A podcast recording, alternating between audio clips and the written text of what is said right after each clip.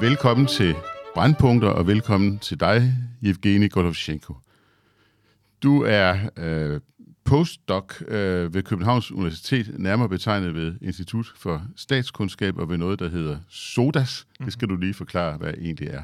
Øh, det er Københavns Center for Socialvidenskab, hvor vi arbejder masser med maskinlæring og netværksanalyse. Og jeg er lige blevet forfremmet til øh, adjunkt, så... Du er simpelthen, fordi ellers har du været... Øh, første gang jeg hørte om det, var du postdoc, men nu er du på karrierevejen og er blevet adjunkt. Tillykke med det. Tak. Det, som øh, vi skal tale om, øh, det er øh, en analyse, som du har fremlagt øh, ved flere lejligheder i danske medier, og som er, at vi i Danmark har en mediedækning øh, af krigen mellem Rusland og Ukraine, som er russocentrisk. Mm-hmm. Øhm, det synes jeg var meget interessant, og det er også noget, jeg gerne ville vide øh, noget mere om, og det er derfor, jeg har øh, interviewet dig. Så kan du ikke sådan meget hurtigt øh, forklare, hvad du, din grundtese er med den russocentriske dækning? Mm. Jeg starter med en kort udgave, så kan vi få den ud. Altså, måske er det øh, vigtigt at slå fast, når jeg taler om krigen, så taler jeg om krigen, der startede siden 2014. Altså, det her er en krig, der var næsten ni år nu, eller om mere end ni år. Og øh, øh, når jeg taler om det russocentriske blik i det danske medielandskab, dele af det danske medielandskab, så taler jeg om, om flere ting. For at nævne de vigtigste punkter. Det afspejler sig blandt andet i måden, som Ukraine, særligt 2014, men til en vis grad også i dag, bliver omtalt som en slags øh, Øh, slagmark øh, mellem Rusland og, og NATO, hvor øh, de her selvstændige lande har hverken deres egen øh, historie eller fremtid. De er ikke aktører noget som helst. De er bare skakbrikker, der bliver rykket rundt. I virkeligheden en meget imperialistisk måde øh, at se på det som en slags inter- Ruslands interessesfære. Og det er sjovt nok også sådan, det bliver, det bliver talsat i Rusland, øh, i russiske statskontrollerede medier. Ikke så overraskende. Det er et verdenssyn, der afspejler sig i øh, måden, vi øh, eller flere, har måske lidt naivt købt Ruslands egne myter om sig selv som en eller andet uovervindelig stormagt, øh, næsten som et slags værfænomen, som ikke kan gøre noget ved, andet at lægge sig fladt ned. Øh, læg mærke til, at vi taler ikke om at presse Rusland, vi taler tit om at presse Ukraine. Øh, I hvert fald i den del, der er kritisk over for NATO-ekspansion osv.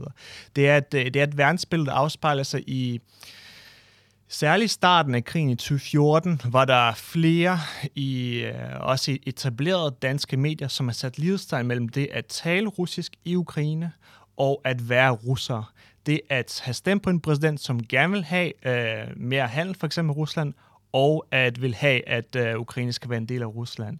Det er jo, øh, jeg, du husker sikkert alle de her kort, hvor halvdelen af Ukraine er øh, russisktalende, det andet er, er ikke russisktalende, og, og så, bliver det, så får vi, fik vi at vide sådan cirka, at Rusland har gode chance her, men dårlige chance her.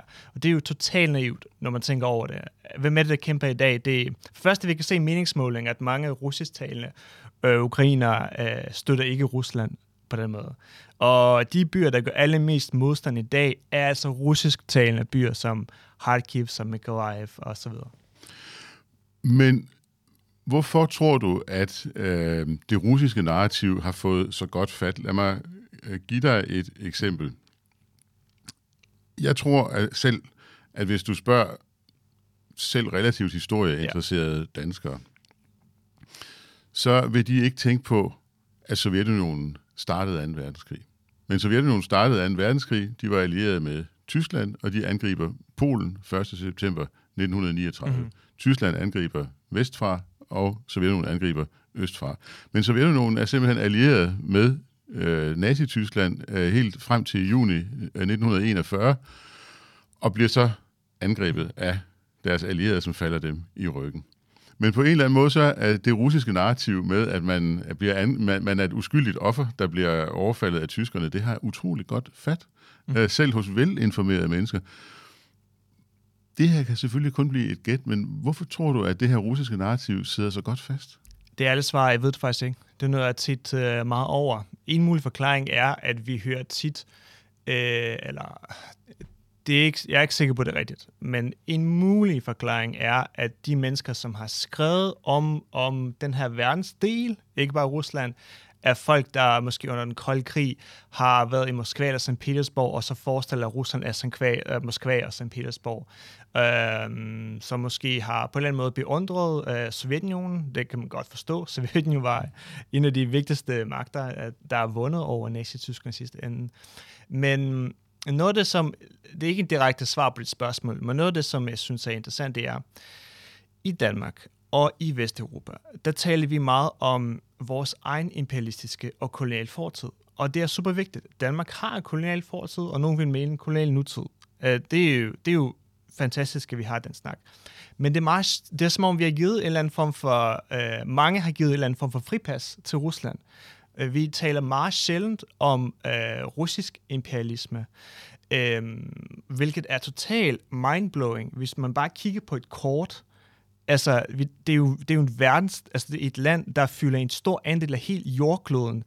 Øh, og som er et imperium, det er ikke blevet så stort tilfældigt, det bliver så stort, fordi Rusland har koloniseret lande, koloniseret folkeslag, øh, i nogle tilfælde flytte rundt på de her folkeslag, for tynde ud, øh, i nogle tilfælde udslette de her folkeslag, og hvor den rådtråd er, at øh, Rusland, som det her ekspanderende imperium, har sat lidestegn mellem øh, russisk sprog, russisk kultur og civilisation. Præcis ligesom vi kender fra England og Frankrig.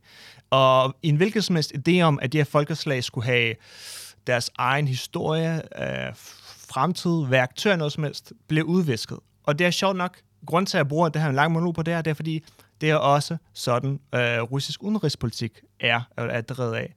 Øh, Putin ser ikke Ukraine som et selvstændigt land. Altså, for ham er det en del af historisk Rusland. Han har selv sagt det.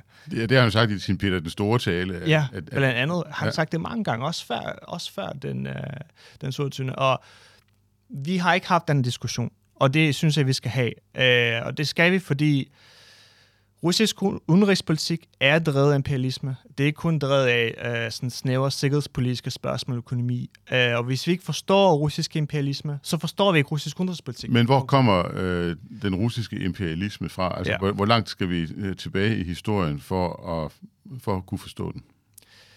Vi skal helt tilbage til før Sovjetunionen. Altså Sovjetunionen er en forlængelse af, af det russiske imperium. Uh, vi skal som minimum tilbage 300 år. Uh, altså, det er jo det er jo på en måde også at forstå Rusland på dens egen præmisser. Øh, det er, jo, det er jo det, Putin henviser til. Han viser tilbage til historien og siger, at det er hans, øh, også hans opgave at øh, samle de gamle russiske lande og festen. Men må jeg lige afklare, hvad det egentlig jeg mener med russisk imperialisme. Øh, det er en idésæt, der går ud, det er en antagelse om, at Rusland har en naturlig ret til enten dominere eller besidde de lande, som tidligere var en del af imperiet, og eller Sovjetunionen. Øhm, og det, øhm, det, er jo, det, er jo, det er jo derfor, øhm, det er derfor Putin vil der øh, øh, Ukraine. Det er, det er sådan, han har omtalt Ukraine. Øhm, og hvis man ikke forstår det, så bliver det åbnet op for nogle blindvinkler, og så kommer vi til at træffe, fortsætter man at træffe, forkert valg rent udenrigspolitisk. Men det er jo meget vigtigt, det her. Um, jeg sidder og tænker på, hvordan vi kan, hvordan kunne man forestille sig, at man begyndte ja. at, at oplyse, fordi um, selvom Europa er et lille kontinent, så består det jo af nogle øh, kulturelle øh, verdener, som er, er ret forskellige. Altså, der er en angelsaksisk verden, der er en fransk verden. Ja. Vi ligger jo i Danmark sådan i kanten af den tyske verden øh, øh, på mange måder. Og så længere østpå er der øh, en slavisk verden, som vi ikke kender så godt her, fordi der er ikke ret mange, som behersker ja. øh, et slavisk sprog. Ja. Øhm, og derfor så kommer den slaviske verden til de fleste mennesker gennem øh, oversættelser, øh, mm-hmm. hvis der er nogle oversættelser, og ellers er det svært at skaffe sig viden om ja. den slaviske verden. Øh, den sproglige viden om den slaviske mm. verden bliver jo nok ikke meget større i de kommende år. Hvordan kan vi kompensere for det? Ja, det er rigtig godt og super vigtigt spørgsmål. Øh, der er flere ting, vi kan gøre. Helt konkret ting øh, er at invitere de, de stemmer, øh, de folk, som er fra de områder. Det vil sige ikke kun øh, folk fra Moskva, men også folk fra Ukraine, folk fra Moldova, og de ikke-slaviske folk, som er blevet koloniseret, og hvis som bor i Rusland, eller Og der tænker du både på Transkaukasus og ind i Centralasien. Ja. Og ikke mindst Kazakhstan. Ja. Det, er jo, det er jo et emne for sig selv, Kazakhstan, kan man sige. Øhm, det er ved at invitere lokalstater, men også ved at tage... Øh, altså i Danmark kan vi godt lide ideen om, at Danmark kan noget. At vi ikke bare er en brik i et større skakspil, ikke også? At vi skal have demokrati, og vi skal stemme på politikere, og de skal gøre noget for danskere. Spørgsmål, hvorfor tænker vi ikke også sådan om andre folkeslag? Øh, helt konkret, øh, alt det vi ser, er vi blevet advaret om fra Polen, fra Letland, fra Litauen, fra Estland, selv fra del af Finland, altså deres politikere, deres eksperter, har råbt op om det her i mere end 10 år, altså længe før 2014. Øh, og vi har på en måde, har vi lidt ignoreret den her i den her verdensdel, i Nordeuropa, øh, i hvert fald for eksempel Danmark, især Tyskland og øh, længere vestpå. Spørgsmålet er, øh, hvorfor? Jeg ved det ikke. Men, vi, Men kan du ikke sige noget mere om det? Fordi det, jeg, altså, jeg, må, jeg må bare sige, altså... Øhm, jeg, jeg er efterhånden sådan begyndt at samle sammen til sådan øh, nogle, en, en, en større tekst mm-hmm. om fejlfortolkningen af 1989. Fordi 1989 ja. bliver altså virkelig fejlfortolket Ja. øh, i, i Vesten Ja. og i Europa, og ikke mindst i, i, i Tyskland. Øhm, og, og, og, og, og, fejlfortolkningen af 89 begynder at undre mig mere og mere, øh, jo, jo mere tydeligt det bliver, hvor stor en fejlfortolkning det var. Ja. Enig. Altså, øh, det er jo lidt sjovt, at mange af vores problemer bunder tilbage til i virkeligheden verdenssyn. Hvad er det for en verdenssyn, vi har? Og vores læsning af historien, vores læsning af nutiden. Men jeg, jeg, jeg tror, hvis vi havde inviteret, øh, Øh, for eksempel hvis flere ukrainske eksperter får at skal fylde det danske medierum, jeg ved godt, det er rent logistisk svært, men så tror jeg, at det vil et, ikke være nogen overraskelse for nogen, at Ukraine vil være villige til at kæmpe til det sidste. Selv hvis Zelensky døde, selv hvis alle ukrainske byer bliver overtaget. Det vil ikke overraske nogen. Øh, altså, det er jo al min viden, tror jeg, i Ukraine, at der er den vilje til at gøre det. Øh, jeg tror ikke, det ville have overrasket nogen, hvis vi ikke kan lytte til Ukraine, men lytte til Litauen eller Ester eller po, po, folk fra Polen. De forstår det også godt. Øh, og jeg tror, at de forstår det, fordi at de har bare en del af imperiet. Altså, de forstår russisk. De er, vi taler om øh, folk, der er vokset op med russisk kultur, øh, som har kendskab. Så jeg tror, en løsning er at invitere øh, de her lokale stemmer, og også generelt ud i fremtiden. Hvis nu Kina invaderer Taiwan, skal vi helt sikkert lære noget af det her. Og også lytte til folk fra, den, fra det verdensområde. Noget andet, man kan gøre, noget som jeg synes er meget vigtigt, er, er humaniora. Altså, det vi taler om er humanistisk viden. Det jeg siger er, at øh, vi har brug for at forstå det kulturelle lag af krigen. Øh, det har noget at gøre med national identitet, historie, for at kunne forstå, hvad det er, der sker. Men det er ikke nok bare at kigge på økonomi og antal kampvogne og sådan noget. Og sådan nogle ting. Og øhm, det er jo virkelig folk, der... Vi har brug for folk, der er eksperter, ikke kun i Rusland, ikke kun folk, der har boet i Moskva i fem år, men vi har brug for folk, der har kendskab øh, til Moldova, har ja. kendskab til Kazakhstan. Men det er min fornemmelse, at øh, der kommer til at ske det i, i EU, at øh, der vil blive lyttet mere til øh, Polen, og der vil Ja. ja. selvfølgelig blive lyttet mere til Estland, Letland og Litauen. Ja. Og, og som du selv siger, også Finland i virkeligheden. Finland har jo... Øh, Finland er jo meget seriøs i forhold mm. til at forsvare sig selv. Jeg har set, at de har bestilt, hvis jeg ikke husker forkert, 64 øh, F-35, og det er jo sådan ret alvorligt mange, og melder sig ind i NATO, Ja, øh, og, og, og- bliver nogle lande, vi kommer mere øh, til at høre til. ja. Men, men, men, men, men stadigvæk, altså, øh, jeg, jeg synes jo, det er utrolig vigtigt, det du siger med, øh, at, at der mangler humanistisk viden. Øh,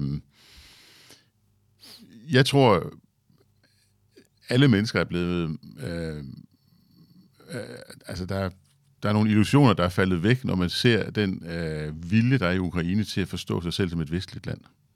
Øh, at, at, den, at den vilje til at forstå sig selv som et vestligt land er så stærk. Øh, hvor kommer den fra, havde jeg nær sagt? Er det, er det, har den altid været der, eller hvad, hvad er, det, hvad er Ja. det for et fænomen, at, at man identificerer sig som et, et, et Ja. ja. vestligt land? Øhm, den har ikke altid været der. Jeg vil også sige, øhm, ja, i Ukraine øh, er det ikke... Det er langt fra alt, at se sig selv som et vestland, at se Ukraine som et vestland. Men det er en del af Ukrains national... Lad os bare sige det sådan. Alle lande har deres egne nationale myter. De behøver ikke være sande, de behøver ikke være falske, men det er noget, man tror på, noget, man identificerer sig med. Det er en del af Ukrains nationale myte, at Ukraine er et demokratisk land, og det er ukrainsk skæbne, at være en del i et demokratisk land. Øhm, at det ligger helt tilbage til 1500-tallet, øhm, at det kendetegner det ukrainske folk. En anden del af nationalmyten om, at Ukraine har altid været en del af, af det, af den europæiske familie. Øhm, og en, en anden del af øh, øh, kan sige, nationalmyten øh, i Ukraine er, at ukrainer er et folkeslag, der kæmper. der, der kæmper. Øh, der ikke vil øh, finde sig i diktatur.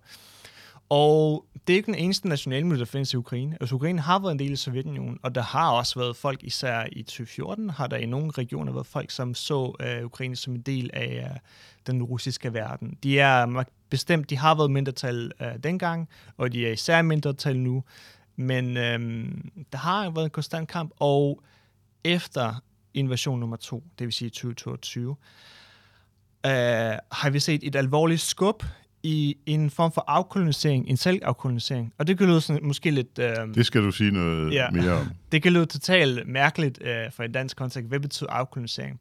Jo, ukrainer er vokset op med sovjetiske film. Vokset op med sovjetisk litteratur. Vokset op med al den kultur, øh, som, som, øh, som kendetegner Sovjetunionen. Og sovjetisk kultur er jo i forlængelse af det russiske imperium øh, på mange måder. Og hvad, hvad er det en Ukraine har lært om Ukraine i de her bøger, i de her film? Jo, de har lært, at øhm, at øh, altså måden Ukraine bliver afbildet på sovjetiske film er som sådan nogle modige, modige folk, der er også lidt dumme og lidt sjove. Det kan lyde totalt vanvittigt, ja. men, men det er den klassiske afbildning. Øh, russeren, den etniske russer, er civilisationen. Han, det er ham, der går i jakkesæt, det er ham der ration, øh, rationalitetens mand. Det, Men det er, sådan det er ofte en, en, mand. en fætter fra landet. Ja, præcis. Altså, ja. øh, I bedste tilfælde, altså han er storbroren. Ja. Mens ukraineren og andre etniciteter, vi skal blive med at huske, det handler ikke faktisk ikke om Ukraine, det handler om mange folkeslag, der var i det civile. De er lidt vedhæng til det her universelle verden, hvor øh, russeren øh, med sit flotte russiske sprog er civilisationsmand i gods øjne. Hvor russisk er civilisationssprog. Og øhm, mange, mange ukrainer er, er vokset op i det her. Altså, hvordan skulle man ikke kunne vokse op i det? Så det, man skal også til at finde sit eget sprog og, og finde sine egne øh, kunstnere ja. og videnskabsmænd og så videre. Og afkolonisere kunst. Uh, meget tit uh, mange kunstnere, uh, ukrainske kunstnere, der er født i Ukraine, taler ukrainsk, så som ukrainer, de blev, hvis du ser dem for eksempel i en udstilling i New York, så vil det typisk stå Russian artist eller sådan noget. Og sådan har det også været i Ukraine. Der sker en, en kritisk selvreflektion over, hvad er det egentlig, vi har lært om Ukraine? Hvad er det, vi ikke har lært om Ukraine? Og, øh, og, og, og bare for ren nysgerrig, altså det sker nu, mens vi to nu, sidder og taler sammen? Lige nu. Det er noget, der har været i gang under, selv under sovjettiden. Øh, de, de kritiske stemmer, der vil gerne, øh, der kæmpet for Ukraines nationalitet, de blev sendt til Gulag eller myrdet uh, direkte. Men må jeg spørge om ting? Altså, altså oplever man tilsvarende ting altså i Hvide Rusland for eksempel, og i Transkaukasus uh, i Centralasien, altså en, ja. en, en bevægelse væk fra Rusland? Uh, ja, jeg ved ikke i hvor høj grad, men vi ser det helt sikkert. For eksempel i Hvide Rusland, uh, uden at jeg har dybdegående ekspertise på det, men det er ret tydeligt, at der er flere hvide russer i oppositionen, der hæfter sig ved, at de har deres eget sprog og at de måske ikke behøver at tale russisk. Altså, vi, de, vi taler ikke om tvang om at tale sprog ja. andet.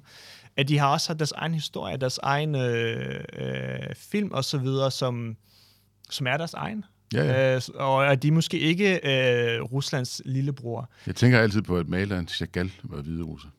ja, så jeg ved ikke, så meget skal ikke det. Det var men, men, men altså, helt seriøst, det, vi taler igen, og, og måske også vores bias min bias, vi taler igen om den, altså slaveren, ikke også? Øh, de hvide mennesker i det sovjetiske russiske rige.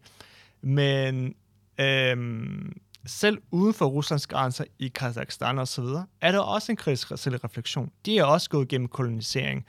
Øh, på Krim, øh, for eksempel i, altså i Ukraine, vi har øh, Krim-Tatar, et folkeslag, hvor næsten alle blev deporteret øh, af Stalin. Ja, de kom til Centralasien. De blev, ja. Øh, det, det, det er russisk imperium classic. Et folkeslag bliver flyttet rundt, tunnet ud. Øh, I øvrigt, det blev legitimeret, legitimeret med, at de var nazister. Det lyder måske lidt bekendt. Præcis. Øh, øh, der er problemer med at få undervisning i deres sprog. Øh, der var et forsøg på at udviske deres nationalitet. Men da jeg læste øh, Bloodlands af Timothy Snyder, så blev jeg overrasket over, hvor mange elementer fra Stalins politik, som Putin har overtaget. Fordi falske folkeafstemninger mm. Var faktisk også en del af Stalins repertoire. Dem holdt han ja. massevis af øh, i det østlige Polen og i, i dele af Ukraine. Og, og deportere mm. børn, øh, og deportere mennesker i det hele taget, og øh, forsøget på at udrydde eliten mm. i øh, de enkelte lande. Altså det, det første Stalin ville gøre, var jo altid at ville prøve at få ram på eliten mm. bredt. Ikke bare den politiske elite, men også den kulturelle og økonomiske elite, for lettere at kunne underlægge sig landet. Og det var jo egentlig også planen for et år siden. Altså bestemt. Uh, klart. Det er en vigtig pointe. Jeg tror, man kan tilføje, at Stalins politik, Sovjetunionens politik, var en forlængelse af det russiske imperium. Altså Sovjetunionen gjorde det, som det russiske imperium har gjort. Igen, prøvede på at udviske ideen om, at de her folkeslag skulle have en eller anden form for agens. Ja. At, at de skulle, skulle, skulle kunne noget som helst selv, af andet end at være lillebror. Men, men det var jo også noget, man sagde halvt for sjov og halvt for alvor i gamle ja. dage, at den russiske revolution var et statskup. ja. Og, ja. og ikke så meget andet. Ja, altså det... Men lige for, for at tilføje, øh, det er super vigtigt, at vi forstår det, fordi det er det, der driver russisk udenrigspolitik. Og jeg vil komme med et konkret eksempel på, hvorfor det er vigtigt. I 2014, der lancerede Rusland en invasion i Ukraine ved at indsætte soldater på Krim. De på lokal infrastruktur, lokal parlament osv. Det er en invasion. Altså, det, det matcher en hvilken som helst definition af invasion. Fremmer soldater på et andet lands territorium, de udfører militære opgaver.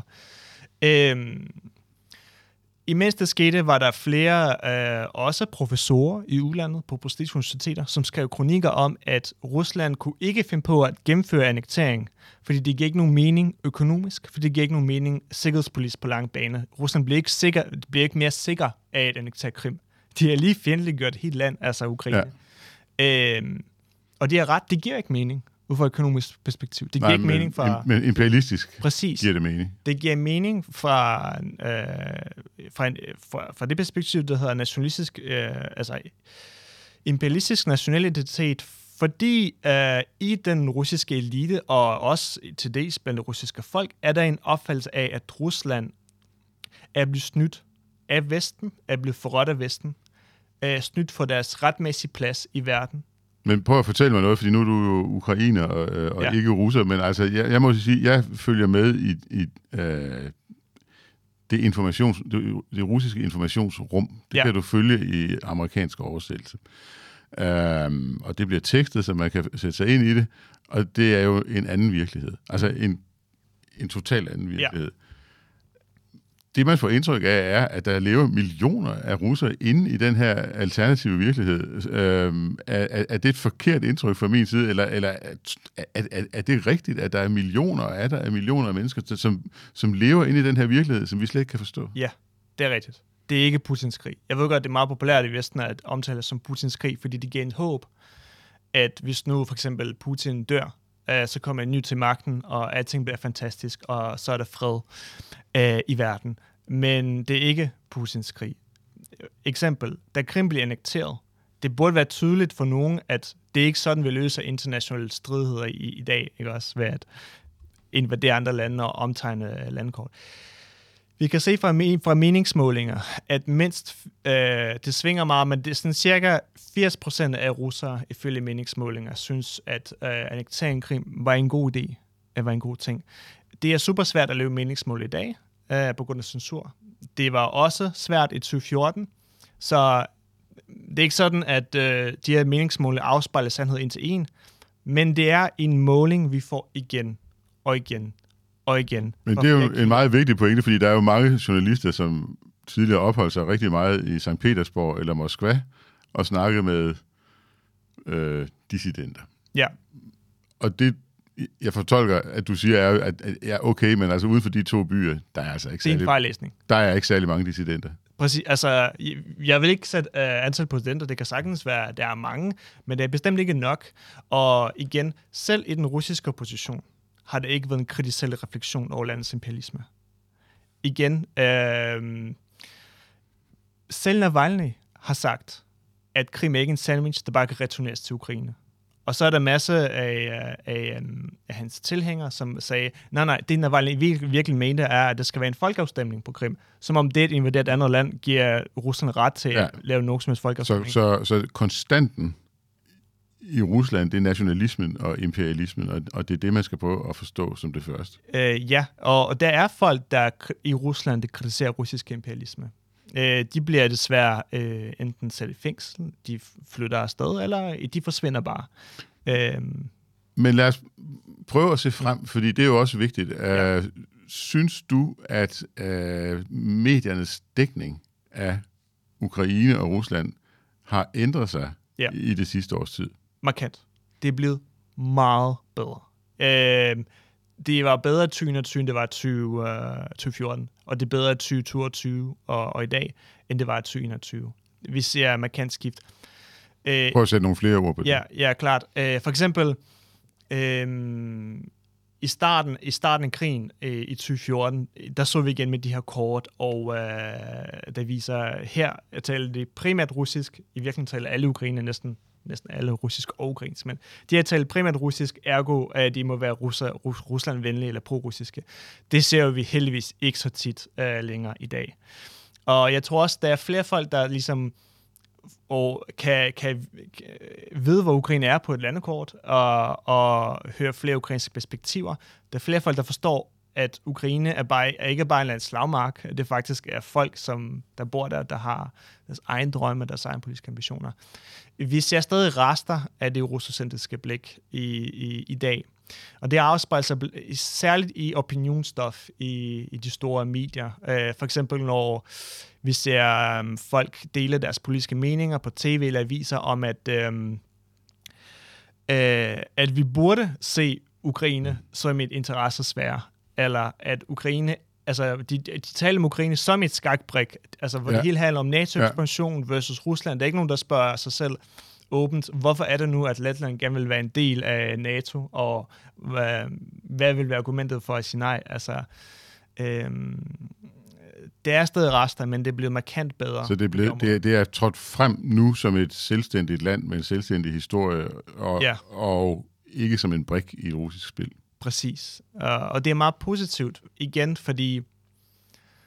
Og det lyder måske lidt tavligt at sige, men helt seriøst. Hvis vi spoler tiden tilbage til 2013 til 2012, hvis uh, vi lyttede mere til folk, der bor i Letland, vi ikke engang behøver at gå så langt som Ukraine, bare folk, der bor i Letland, uh, Litauen eller Estland, vil, vil vi nok vil være flere i Danmark, der vil forstå, at russisk udenrigspolitik er drevet imperialisme at det der problemet for Rusland øh, er, at at de ikke har, øh, at de har mistet deres ret til at dominere over de her ja. nabolande, og at Ukraine er ikke et rigtigt land, set fra russisk elites perspektiv, og at det, de gerne vil opnå Ukraine, er at udslætte Ukraine. Altså, det, at de ikke har tænkt sig at stanse en gang i, altså, og det handler ikke kun om Ukraine, det er vigtigt. Men det er jo, en, uh, det, det er jo meget, meget interessant, det du ja. siger, fordi øh, her i Norden, der kender vi jo øh, Finland øh, som grænseland. Ja. Et land, vi kender meget bedre, end vi kender ja. andre lande, der grænser op til Rusland. Øh, og det er jo selvfølgelig, fordi det ligger tættere på, og fordi vi har et traditionelt ja. øh, samarbejde med dem.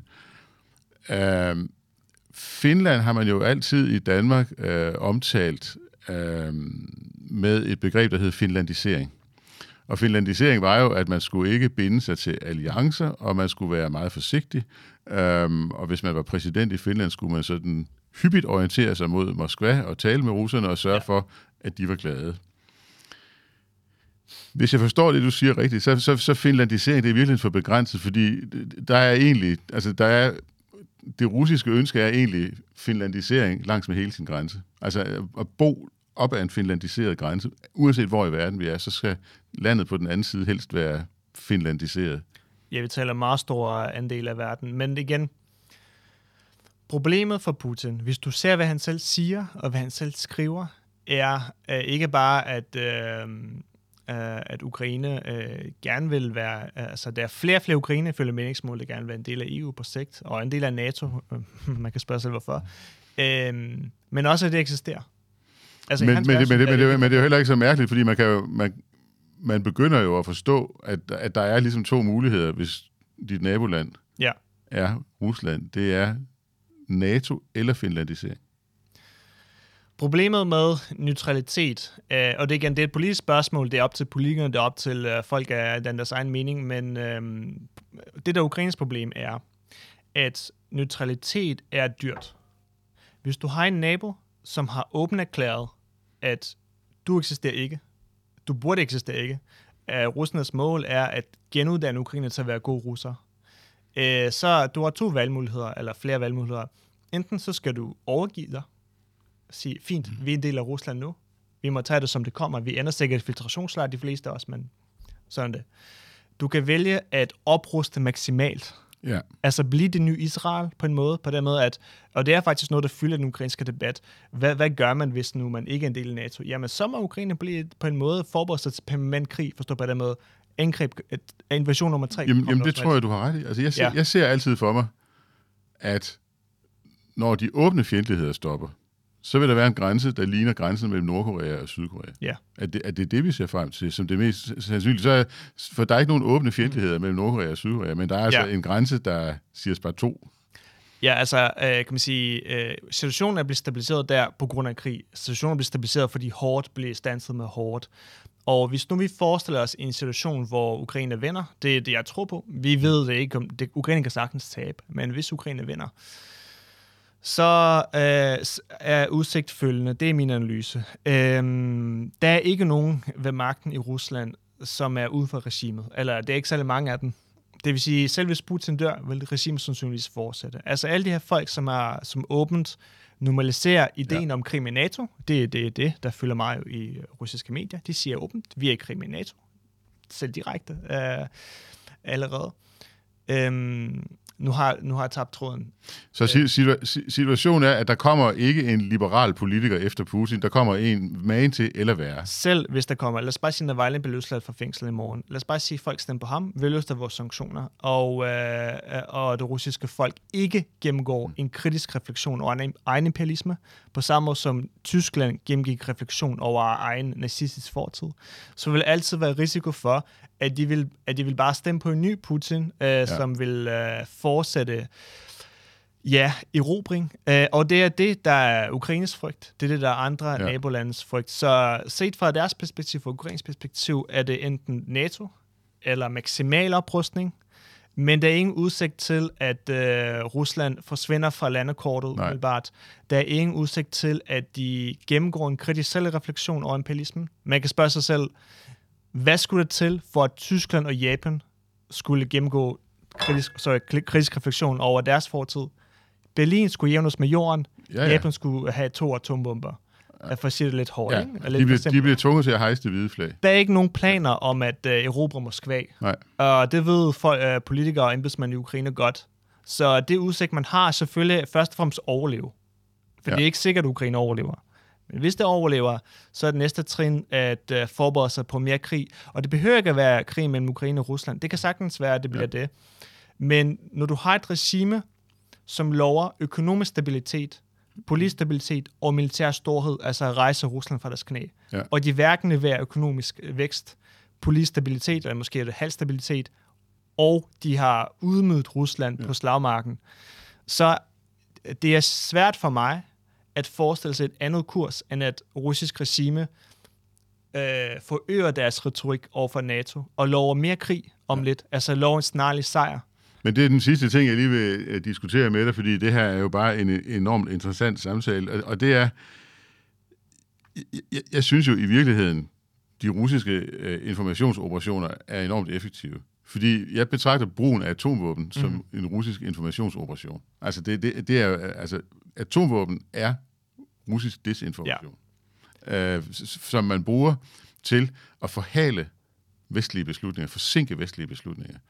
Øh, hvordan øh, kan du følge den tankegang, at, at det, er, et- det er et middel til at forsinke beslutninger? Det er ikke nødvendigvis øh, desinformation, forstået som i, det er ikke vi behøver ikke nødvendigvis forkert, men det er klart, at øh, russiske myndigheder spiller på vestens frygt for at dø i en atomkrig, hvilket er fornuftigt nok. Hvem, hvem er ikke bange for, for at dø? De, de ser tyven, og de nævner det, fordi de ved godt, at øhm, altså, Rusland vil, hvis Rusland øhm, starter en atomangreb på USA, bruger strategiske våben, så vinder Rusland ikke. Putin vil dø, og det vil hans familie også. Hvis Rusland bruger taktiske atomvåben i Ukraine, kan det måske opnå noget, men ifølge militæreksperter, og jeg er ikke en af dem, vil det have minimal effekt på slagmarken. Men Rusland har jo aldrig brugt atomvåben. Altså, de, de mistede Østblokken uden at bruge atomvåben. De Nej. tabte i Afghanistan uden at bruge atomvåben. Uh, Præcis. De har lidt store nederlag i Ukraine uden at bruge atomvåben. Men øh, atomvåbens øh, primære funktion er at opnå strategiske mål, altså politiske mål. Og i det her tilfælde er det at skræmme, øh, skræmme os fra at hjælpe ja. Ukraine med at forsvare sit territorium. Klart. Øh, og det har fyldt meget. Men læg mærke til, at vi endte jo alligevel med at sende våben afsted til Ukraine. Præcis. Øh, så vi, vi overkommer det jo. Men, og det er den, den triste erkendelse. Hvis nu vi siger, at vores nuværende beslutninger er rigtige, øh, så betyder det, at vi har truffet forkerte beslutninger før. For det intet har ændret sig i løbet af de sidste halve år på det front. Det betyder, at folk døde på slagmarken. Øh, folk, der kunne have overlevet, hvis de har fået våben tidligere. Så jo, på den måde er det jo effektivt, hvis... Øh, hvis det er atom, frygten om, om atomkrig, der er med til at forsinke Bidens beslutning, med til at forsinke øh, vores beslutning. Det, det er bare min personlige mening, og jeg understreger, at det er min personlige mening, at mm. den russiske hybridkrig har egentlig været meget effektiv. Fordi de starter sådan set hybridkrigen i ja. 2007. Ja. Og så begynder de at hacke med computer, de sender dødspatruljer ud, uh, de, man, man begynder at invadere lande, som man tror, man kan slippe afsted med at invadere. Ja. Uh, Georgien er det mest berygtede eksempel. Egentlig forbavsende effektivt. Og det er effektivt indtil 2014, mm. og det er jo selvfølgelig navnlig effektivt, fordi tyskerne tror på det. Uh, og de laver den her Minsk-proces, som i virkeligheden ikke er noget andet, end at den, den giver bare Rusland anledning til at tro, at der ikke sker noget. Altså, jeg har sagt det før i andre sammenhænge, men jeg siger det også her, altså Angela Merkel kunne jo godt gå hen og blive husket som den tyske Chamberlain, mm. øh, fordi der er sådan noget ja. Chamberlain-agtigt øh, ved hende, men jeg tror, det er stoppet nu. Ja. Øh, og, og, og vi har forstået, at russerne gik i krig mod os i 2007. Ja. Det tog bare lang tid at forstå. Altså, øhm, det der gjorde, øhm, okay, Rusland overtog Krim på mindre end fire uger med minimale militærtab. Jeg tror, at deres militærtab kan tælles på en hånd. Måske er det altså bare nogle, nogle få soldater. Og det gjorde det ved hjælp af hybridkrig, øh, som du siger, altså en kombination af øh, brug af militærstyrker og, øh, og informationskampagner, propaganda og disinformation rettet mod Ukraine, men også udlandet. Det, jeg synes faktisk, det er meget vigtigt lige at forstå, hvorfor er det nu, at kriminaliseringen lykkedes. Det gjorde det, fordi at internt i Ukraine var der forvirring om, er vi i krig, hvis jeg er mod hvem? Det er med til at forsinke processen. Øhm, det er med til at skabe sådan et, et slør, øh, der, der gjorde, at også i Ukraine blev truffet forkerte beslutninger. Og det er i hvert fald en analyse, som mange analytikere, forskere og kommentatorer deler. Øh, men også på global plan var der en forvirring. Uh, hvad, er, er, er der krig i, øh, i Ukraine eller ej? Fordi uh, Putins øh, udtalelse i de første uger var, øh, vi er, vi er ikke, ikke i gang med at tage Krim. De her soldater er ikke russiske, indforstået, lad være med at sanktioneres. I 2014 var der en forvirring på global plan om, hvad er det egentlig, der sker i, i Ukraine. Og sådan rent normativt som mini borger, jeg håber, altså det er ikke bare mig som lytter, der taler, jeg håber, at vi lærer af det.